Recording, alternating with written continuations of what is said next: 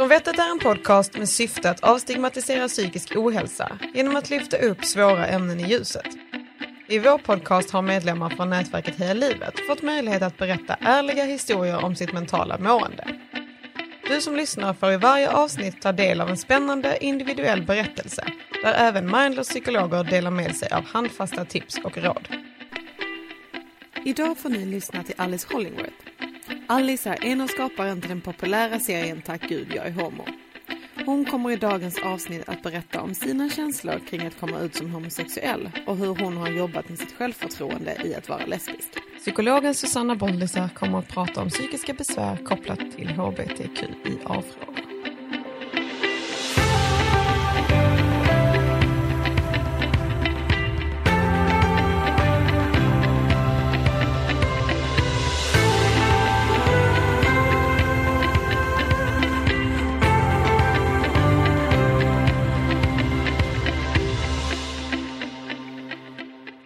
Inte ensam om att må piss. Och det är okej att prata om och söka stöd och hjälp. Jag önskar själv att jag hade fått höra den här podden när jag var i mina ungdomsdagar. Mitt namn är Alice Hollingworth och jag är väldigt homosexuell. Det har inte alltid varit enkelt och det har både stärkt och sänkt mitt psyke. Det ska jag såklart berätta mer om. Nu åker vi. Sitt ner i båten. Håll i er. Eller ja, det ska nog gå bra ändå. Okej, jag heter alltså Alice Hollingworth och jag bor i Stockholm. Men jag växte upp i Örebro. Jag har alltid haft stora drömmar om att nå högt i karriären, jobba med coola produktioner inom film och tv och jag ska fan bli känd och vara programledare. Kanske för att bevisa för alla som inte trodde på mig i högstadiet att jag är bättre än vad de tror. Och helst bättre än vad de är. Vem nu som bestämmer sånt. Men det var så mitt mantra var. Jag ska fan visa er tänkte jag. Jag har nått dit jag ville, ja, förutom att bli känd, men det gör mig faktiskt ingenting. Det här med min karriär spelar egentligen ingen roll. För det är inte vad jag ska prata om idag. Men jag har alltid känt att jag måste bevisa för alla att jag är någon man vill vara kompis med.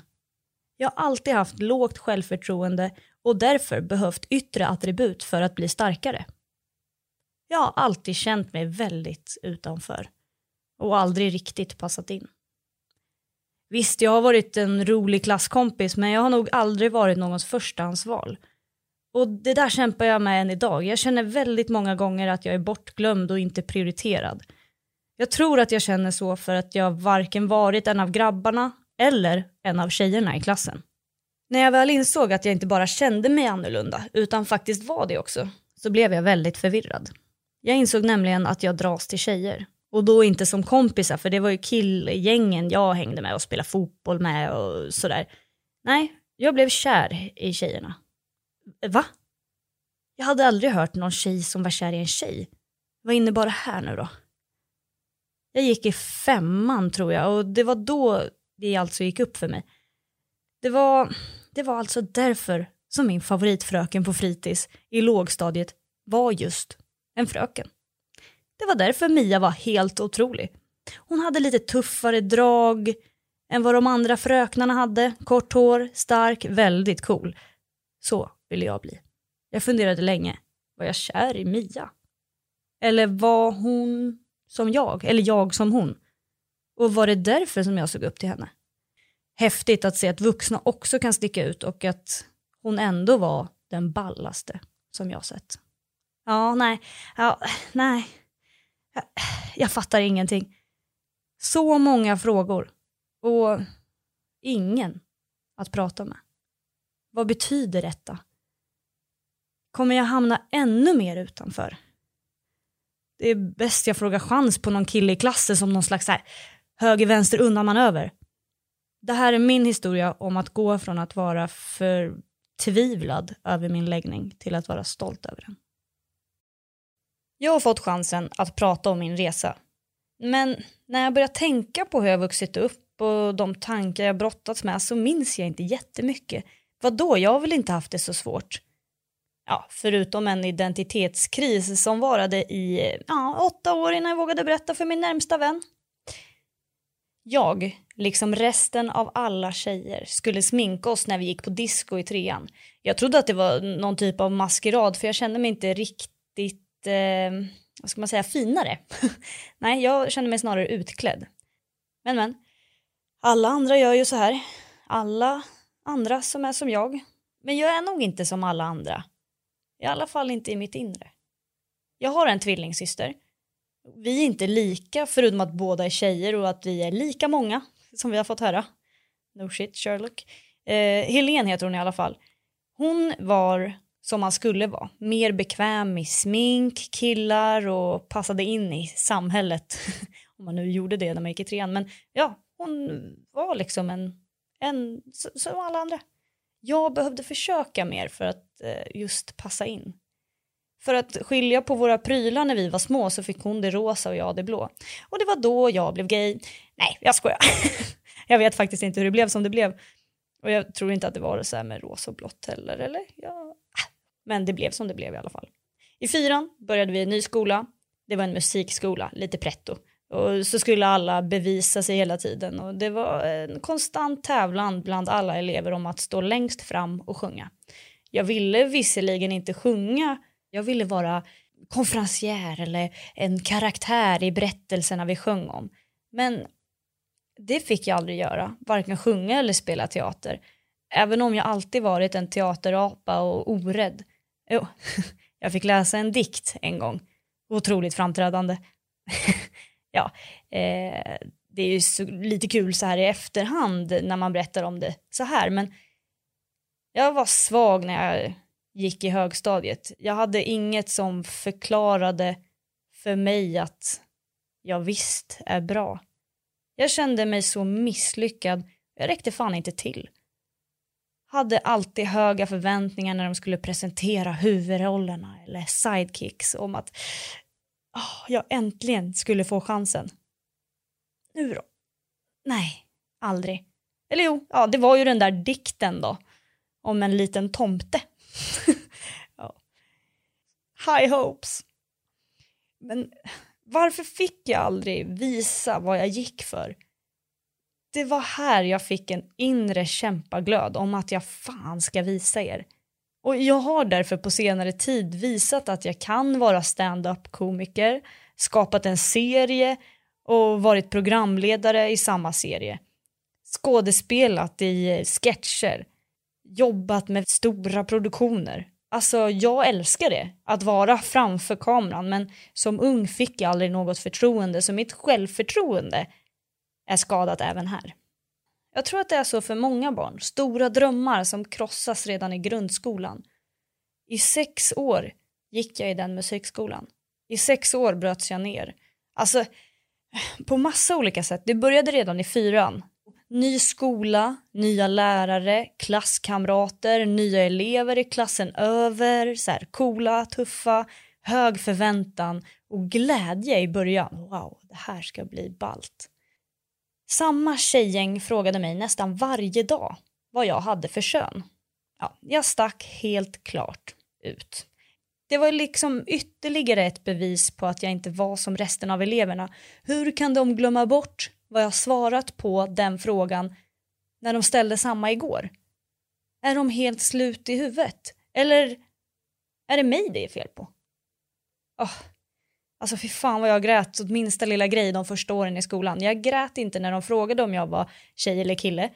Det yttrade sig på andra tillfällen. Jag grät om jag hade fel på något mattetal. Jag grät om jag inte orkade gå till idrottsplatsen. Jag grät åt massa små banala grejer som jag inte kunde. T till exempel om jag inte kunde sy lika bra som Helen eller om jag inte kunde sjunga lika mörkt som killarna i kören. Plötsligt så slutade jag gråta. Jag undrar lite varför jag plötsligt slutade gråta. Kanske hade tjejgänget slutat trakassera mig. För efter ett tag så kanske de hade fattat att jag var tjej men i killkläder. Eller hade jag byggt upp en mur som känslorna inte kunde ta sig igenom? Det var i femman som jag insåg att jag var lesbisk, även om jag inte visste vad det var eller att det var så det hette. Lesbisk. Lebba, homo, flata, gay. Alltså det vokabuläret hade jag absolut inte. Jag visste bara att jag var annorlunda. Inte bara för att jag hade den mörka stämman allt. och ville i högstadiet vara tenor eller bas. Little did I know, men ja, typiskt lesbisk va. Man, man vill vara som grabbarna och ha tjejerna. Men, alltså jag hade ingen att prata med.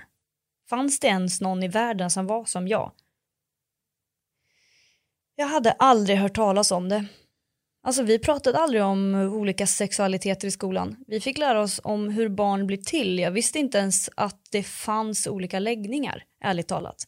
Jag vet inte hur, men jag insåg att min fröken Mia i lågstadiet kanske var som jag. Jag hoppades det för att då blev det plötsligt lite coolt. Trots det försökte jag ändå passa in med resten av tjejerna i klassen och de här känslorna skulle säkert gå över. Alltså det, det var ju säkert bara någon liten sån eh, pre, pre-puberty, äh, jag vet inte.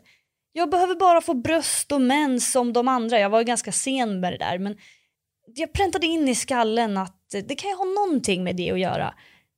Man är väl könlös som barn tänkte jag. Okej, så puberteten kom till alla tjejerna i klassen och de började visa kurvor och ha smink och handväskor. ja, som om handväskor är ett klassiskt tecken på pubertet. Ja, ja. Jag hade inte samma stil, jag var fortfarande klädd som en tomboy. Som jag jämt hade varit. Det spelade ingen roll om jag kom in i puberteten. Alltså det var också svårt för mig att klä mig som andra. Som tjejerna då, för att jag trivdes inte med det men det blev också så häpnadsväckande om jag skulle testa min systers mascara. Då stack jag nästan ut ännu mer. Alla var ju van vid att jag var en av grabbarna och spelade fotboll och var tuff liksom. Och grabbarna har ju inte smink för fan. det var ju lite den jargongen. Alltså jag testade en gång och alla kommenterade de målade ögonfransarna. Det tyckte jag var jättejobbigt och jag vet än idag inte om det är så att jag inte trivs i det eller om det är för att alla reagerar på det. Jag vill liksom inte någonsin att andra ska tänka något negativt om mig, typ. Alltså, vem försöker hon vara? Jaha, är hon som alla andra nu helt plötsligt? Alltså, tror hon är snygg nu eller vadå? Vem försöker hon imponera på? Alltså, vänta lite. Är hon tjej eller kille? Så jag testade inte så många gånger för jag var så orolig för hur andra tänkte. Speciellt eftersom det märktes när jag testade första gången så kommer det inte gå obemärkt förbi om jag testar igen. Ja. Ni fattar. Varför fan ska man bry sig om vad andra tänker hela tiden? Ah, jag önskar att jag hade kunnat gå tillbaka till mig själv och bara släpp det. Ja, ja. Jag minns att en i min klass när vi gick i sjuan berättade att hon var bisexuell. Det var liksom ingen stor grej. Men jag tänkte direkt, hmm, undrar om det är det jag är. Eller vänta, vad är det ens, bisexuell? Är det, är det så det heter? Det, oh, vänta, det kanske är det, kan, det kanske är mig hon är kär i. ja, som sagt, världen kretsar inte kring mig även om jag uppenbarligen trodde det. jag trodde liksom att världen stannade om jag hade mascara. Ja, ja. ja, i alla fall, det var ingen biggie. Alltså ingen i klassen snackade negativt om den här tjejen eller om hennes läggning. Ändå så trodde jag att det var helt fel. Alltså, jag var nog den enda som ville prata om hennes läggning. Alltså aldrig negativt, men jag ville få det på tal så ofta som möjligt. Jag behövde, jag behövde prata ut, eller jag behövde bara, ja, ni vet. Alltså trots att det inte blev någon skillnad för den bisexuella tjejen i klassen så vågade jag inte komma ut. Alltså knappt för mig själv. Det här skulle ju gå över. Jag trodde ju som sagt då att hela världen kretsade kring mig. Att alla i Örebro skulle stanna upp och titta på mig med avskum. Herregud, alltså folk har sina egna problem att tänka på. Jag kommer inte direkt hamna på första sidan på lokalposten. Nej, men på riktigt så trodde jag att jag inte skulle ha några vänner kvar. Jag trodde att mina tjejkompisar skulle tycka att det var obehagligt och mina killkompisar trodde jag var för ocoola för att backa mig. Jag trodde att min värld skulle falla samman. Jag inser att jag oroar mig oftast för vad andra ska tycka. Jag vet inte ens vad jag själv tyckte om det. Jag var för fokuserad över vad andra skulle känna kring detta. Så det tog typ åtta år innan jag vågade komma ut. Jag vågade inte ens komma ut när jag var ihop med min första tjej. Vi var kompisar från början, men sen en dag så möttes våra läppar och när jag tänker på det så är det ju helt sjukt att vi vågade ta det steget. Alltså jäklar vad pirrigt och vad rätt. Japp, jag var gay. nu tror ni säkert att det var genom denna relation som kom ut. Men det sa jag ju precis. Nej, nej, nej, nej, nej, nej, nej. Alltså vi höll det hemligt. I, eh, alltså jag hängde hos henne flera gånger i veckan men ingen fattade någonting. Vi spelade i samma innebandylag och våra teammates trodde väl bara att vi blev väldigt tajta. Det var spännande på så många olika plan. Spännande att smyga runt, spännande att hångla med en tjej, spännande att äntligen få utforska den här sexualiteten. Med henne var jag trygg och hon accepterade ju obviously min läggning. Men vi höll det hemligt i typ två år. Jag höll det till och med hemligt för min bästa vän. Jag ville absolut inte förlora min bästa vän. Skulle jag riskera det för att jag var konstig och hånglade med en i laget? Alltså, jag och Sam, som min bästis heter, vi spelade innebandy tillsammans och ibland golf. Sam var som jag, androgyn och annorlunda. Men jag trodde inte Sam var som jag när det kom till sex. Vi pratade aldrig om sex. Alltså i och för sig, det var ju inget jag pratade med någon om. Så, men jag kommer ihåg första gången jag och Sam träffades. Jag hade utsläppt hår, innebandyglasögonen långt ner på näsan och sträckte fram handen för att hälsa. Hello! Jag var ju en riktig pajas i alla sammanhang och har alltid haft ett behov av att höras och synas. Ja, i alla fall. Efter några försök så blev jag och Sam vänner. Med försök menar jag att jag var ganska påstridig. Jag ville ju bli kompis med Sam och tyckte att eh, Sam hade en skön stil, en aura, var rolig i sitt ironiska tilltal, har alltid varit och är fortfarande. Vi hängde till slut väldigt mycket och vi tyckte om att vara kreativa. Båda var lite motståndare till att dricka alkohol. Alltså man kan väl för fan ha kul ändå. Vi spelade in filmer, vi hade fotosessions. Jag fick alltid glass på Sams pappas restaurang och mat såklart.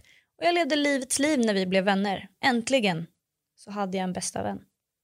Vi spelade som sagt innebandy i samma lag och en säsongsavslutning 2010 tror jag det var så firade vi att laget gått upp i elitserien. Och den festen pratade jag med Bettan i vårt lag.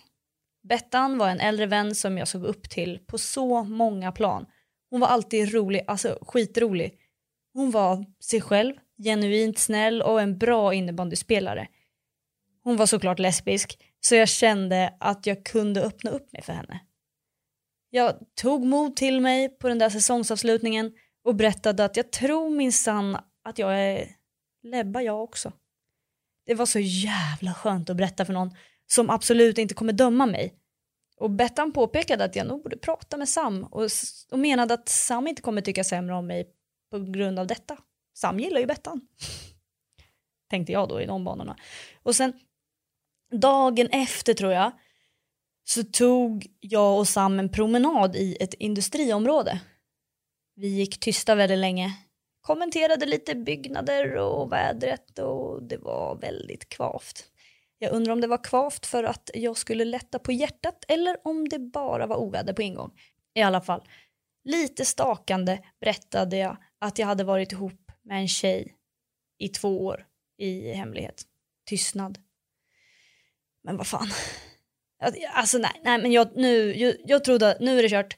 Men det visade sig att Sam också hade pratat med Bettan. Och de pratade inte om hur många hål en innebandyboll hade. Nej, de pratade om att Sam inte heller var heterosexuell. alltså, vi båda var rädda för att komma ut för den andra. Men så hade vi samma hemlighet. Vi drogs åt tjejer. Tjejer är bäst. Alltså jag kände mig ledsen för att jag inte hade gjort det tidigare men samtidigt var det en sån otrolig lättnad som inte går att beskriva. Alltså nu, nu börjar livet tänkte jag. Så eh, nu tar jag tillfället i akt. Så tack Bettan för att vi fick chansen att komma ut för varandra. Tack för att du inte bara berättade vad den andra hade sagt. Det var värdefullt att få vara den som berättade om hemligheten. Vi båda var rädda för vad den andra skulle tycka, men så satt vi i samma båt. Nu skulle jag bara komma ut för mamma också. Men hur fan då? Det vågar jag inte. Vi har liksom inte alls en sån relation där vi pratar om kärlek och varför, varför skulle det här nu vara plötsligt helt jätteintressant? Va? Lite så försökte jag tänka och bortförklara mig. Raka i ryggen drog jag och Sam till Australien efter studenten. Och by the way, en student där jag återigen försökte passa in. Jag hade klänning. alltså det är så konstigt. Jag trivs absolut inte i klänning. Ja, ja, gjort är gjort. I Australien hade jag fortfarande en tanke om att jag var bisexuell. Alltså, tanken som åkte runt i huvudet var, det är liksom inte bara tjejer som jag faller för. Jag menar, jag har ju dejtat killar senaste åren så jag kan inte vara 100% enbart lesbisk. Jag kan så här i efterhand säga att jag var 100% lesbisk. jag menar jag dejtade killar bara för att försöka vara normal och det, alltså tänk vad mycket lättare livet hade varit om jag gillade killar. Men det var som sagt en höger-vänster undanmanöver, lite för mig själv också. Det kändes som ett kortare steg att gå från hetero till bisexuell än hela vägen till homosexuell. Något att kunna försvara sig med. Jag gillar faktiskt killar också, ifall någon skulle ifrågasätta mig. Men alltså ärligt talat, ingen har ifrågasatt mig. Eller jo, en. Men det är glömt och förlåtet nu. Eller i alla fall förlåtet. Alltså jag var ju då till slut illa jävla tvungen att komma ut för min mamma. Hon var lite chockad och sa saker som, hon, som jag vet att hon ångrar och inte menade. Jag var så djupt besviken på hennes reaktion. Ingen annan hade sagt något negativt om min läggning. Men nu var det alltså dags. Från den jag trodde älskade mig mest. Föräldrar som säger “Jag är bara rädd att du kommer möta motgång. Jag vill bara poängtera att det du just sagt är den största motgången en kan få. Men jag fattar chocken så här i efterhand. Det jag inte tänkte på då var att hon också måste bearbeta det hela. Jag menar, jag hade bearbetat min läggning i över åtta år. Skulle hon inte få en liten, liten landningsbana? Jo, det tycker jag.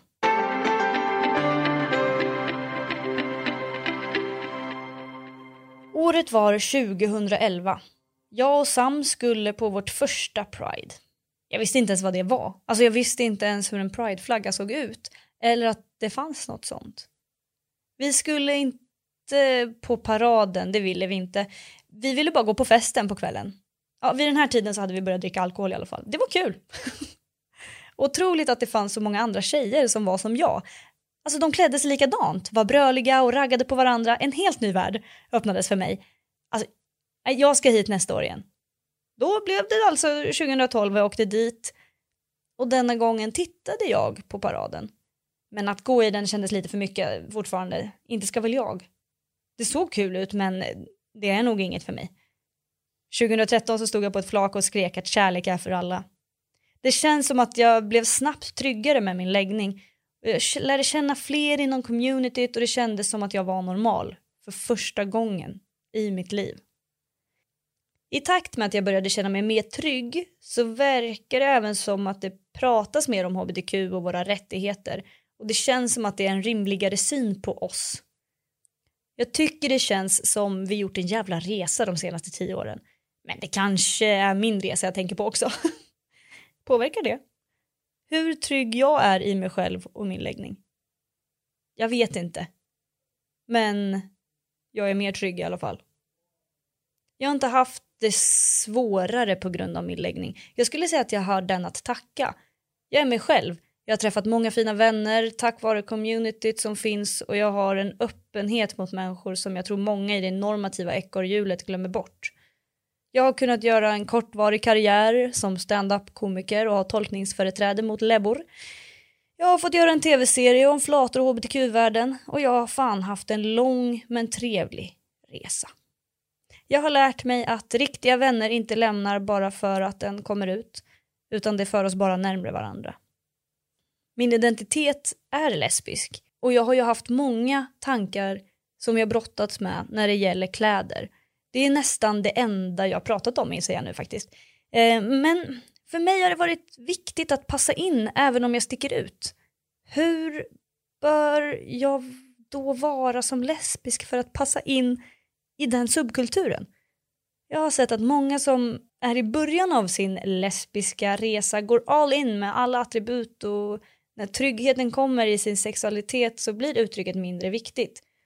Och så har det i alla fall varit för mig Åtminstone till en viss del. Jag var mer butchig för tio år sedan jämfört med nu. Och det är helt okej. Okay. Jag känner mig som sagt trygg i min läggning nu. Jag vet vem jag är. Jag måste inte kompensera min sexualitet med coola jobb och event. Nu känner jag inte samma målmedvetenhet kring att jobba med film och tv bara för att det är coolt. Och det är fan en skitbransch för mig alltså. För höga ambitioner från kreatörer men ingen budget att jobba med. Som, alltså det sätts orimliga krav mot filmarbetare. Hörni, det är ett helt annat ämne faktiskt. Det kräver timmar. Oavsett. Nu känner jag inte längre att jag måste bevisa mig för någon eller för mig själv. Därför har jag valt att byta bransch och riktning. Jag drömmer om en trygghet, semester. Alltså, tänk att kunna planera sin semester. Jag har aldrig haft en betald eller planerad semester faktiskt. Alltså, vänta. Friskvård. Alltså fattar ni att vissa får liksom pengar till gymkort eller liknande? Alltså va? Det är otänkbart. I tv och filmbranschen. Nej men alltså vänta nu lite. Nu börjar jag prata om det här i alla fall. ja, ja, men det är säkert så här i alla frilansande jobb. Men jag vill ifrån det. Nu vill jag bara var trygg. Herre. jag är trygg men det där andra ska på plats nu. Jag tror att jag är en orolig själ, det märker ni ju. Och jag kommer förmodligen ofta ha något att lägga mina oroliga tankar på. Jag kämpar fortfarande med att inte känna mig utanför och jag tror att jag alltid är mina vänners tredje val. Jag tror inte att de väljer mig i första hand och så vidare. Även om det inte är så, så är det så jag går runt och känner. Kanske är det mina år i mellanstadiet som ligger till grunden för det här dåliga självförtroendet. Eller så är det bara jag som inte är någons förstahandsval. Och så får det i så fall vara. Jag är själv dålig på att hålla kontakten och kan inte förvänta mig mer tänker jag. Men ja, det jobbar jag med i dagsläget. Alltid är det något. Mm. Jag, tror att jag, jag tror att jag aldrig blir färdig. Det är en del av livet. I alla fall mitt liv. Oh, Okej, okay, vänta, nu är jag klar med det här eh, samtalet med er, eller så, monologen. Och jag ska lämna er med mitt motto i livet. Och det kanske blir en liten tatuering någon gång. Bra tjejer är lite gay. Nej men är det inte lite så då? Bra, bra tjejer är lite öppna för allt och eh, trevliga. ja, ah, men sådär då. Hoppas att eh, ni mår bra. Och eh, tveka inte på att höra av er till Mindler.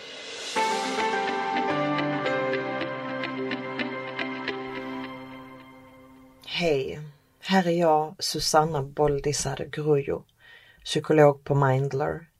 Jag ska prata om identitetsprocessen bland homosexuella män och kvinnor och du lyssnare, gay, straight, hbtq-person, förälder, anhörig, upplyst eller fördomsfull, whatever, hoppas du är med mig här. Låt oss titta på identitetsprocessens tre faser. Såklart är det individuellt hur man upplever de tre faserna, när och hur länge man är i dem och hur övergångarna ser ut. Fas 1.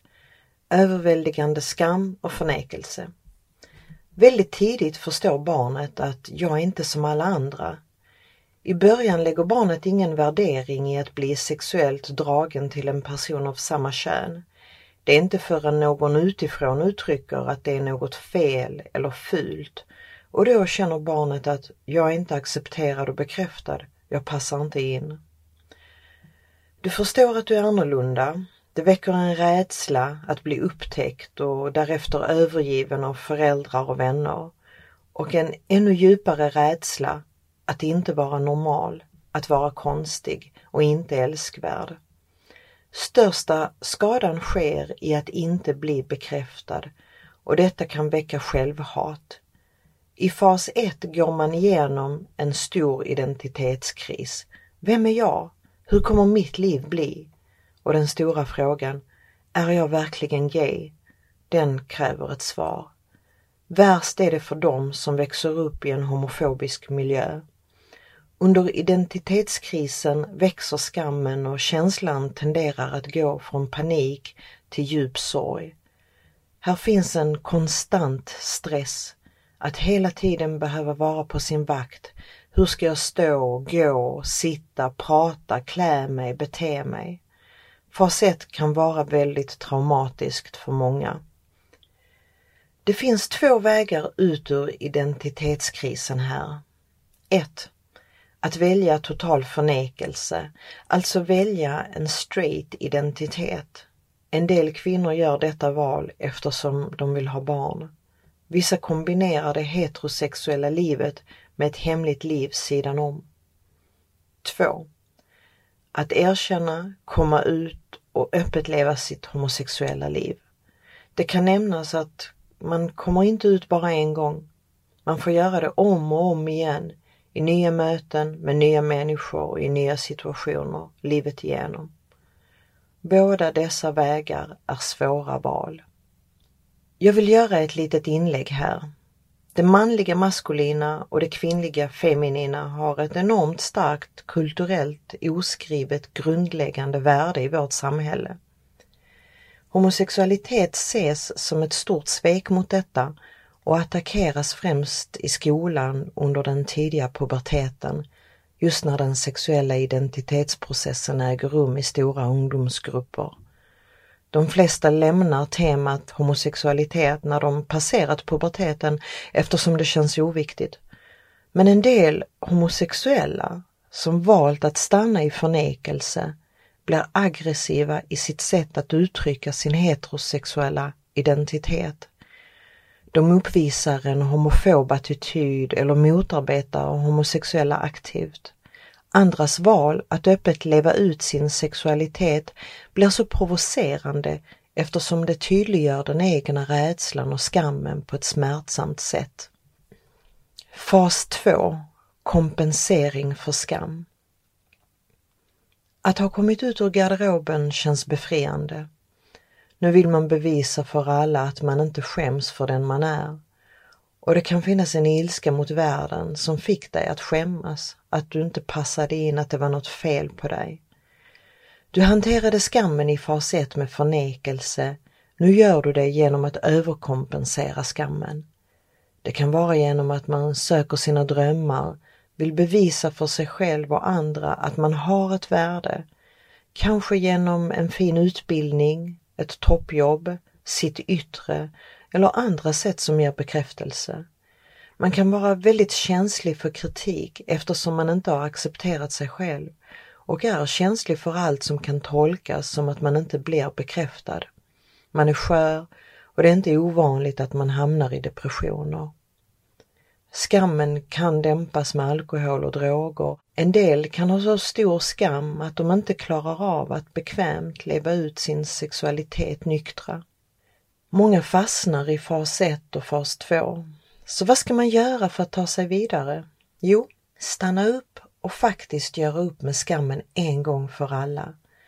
Inte genom att förneka eller överkompensera den utan att möta den och förstå den hur den kom in i livet och hur den har styrt och format. Fas 3. Odla äkthet. Vad sker i denna fas? Jo, man gör en U-sväng i livet. Vad kan det innebära? Exempelvis att man börjar bli radikalt ärlig. Vågar säga förlåt och erkänna sina fel och brister lär sig att möta sig själv och vara ensam. Att avstå från omgivningens bekräftelse. Börja reflektera över sina traumatiska relationer, exempelvis den första sexuella relationen som kan ha ägt rum i tidig barndom eller den första kärleksrelationen. Att bearbeta eventuella sexuella övergrepp Våga prata om svek man upplevt och orsakat. Börja acceptera livets mening på ett nytt sätt och omdefiniera relationer, lycka och kärlek. En trygg vänskaps eller kärleksrelation kan vara till stor hjälp för att ta sig igenom fas 3. Och när man lyckats göra det så upphör kärleksrelationerna vara konfliktfyllda och kaotiska. Skammen behöver inte överkompenseras längre. Därför kan man vara ärlig och äkta eftersom omgivningens bekräftelse inte längre är viktig. Man kan göra nya val bara för sin egen skull. Fas 3 kännetecknas av förändring och frihet. Skammen är den röda tråden i identitetsprocessens tre faser. Och den är densamma hos killar och tjejer men hanteras på olika sätt. Det är klart att det finns stora skillnader mellan homosexuella kvinnor och män och jag önskar att det fanns mer utrymme här för att beskriva dessa på ett nyanserat sätt. Som psykolog landar jag väldigt ofta i slutsatsen att det är föräldrarna som har den största betydelsen för sina barn. Och det är likadant här. Så du som är förälder, tänk på vad du säger, hur du uttrycker dig om människor med en annan sexuell läggning. Tala positivt om hbtq-personer så du inte sårar ditt barn omedvetet. Acceptera ditt barn. Neka inte dina barn kärlek, bekräftelse, respekt bara för att han eller hon inte föddes med samma sexuella läggning som du. Och lägg inte en sorg över deras homosexualitet. Virra inte heller in det i bomull. Var bara naturlig. Skaffa dig kunskap och släpp fördomarna och tankar som vad ska andra säga? Se filmen Prayers for Bobby baserad på en verklig händelse så får du nya livsviktiga perspektiv på homosexualitet.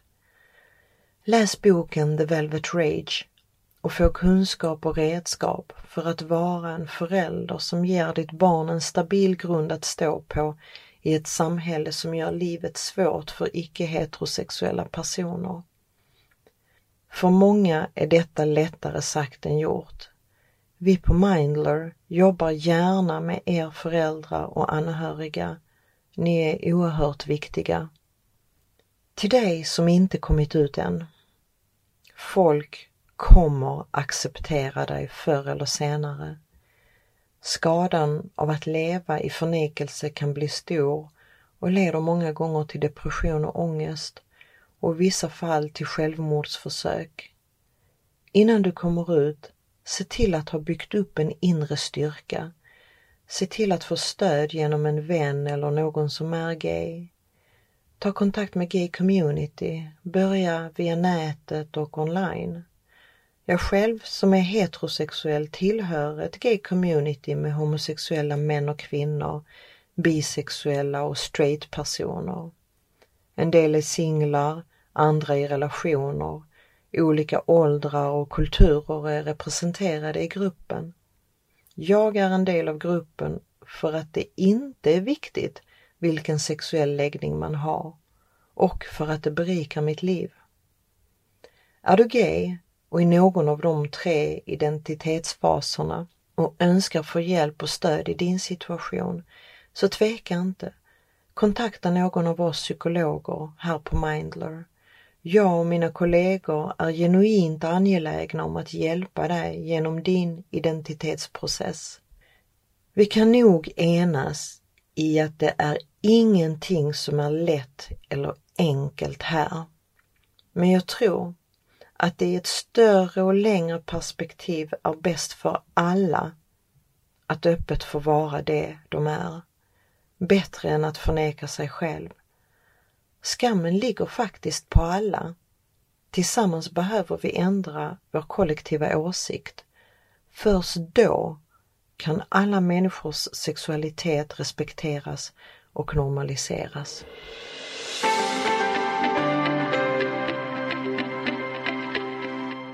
Tack så mycket för att ni har lyssnat på dagens avsnitt. Allt ni hör är berättarens personliga erfarenheter och psykologen lyfter ett generellt perspektiv i frågan. Vill du veta mer om dagens tema? Gå in på Mindlers hemsida mindler.se från vettet. Där hittar du mer information och fler tips på andra organisationer för att söka stöd och hjälp.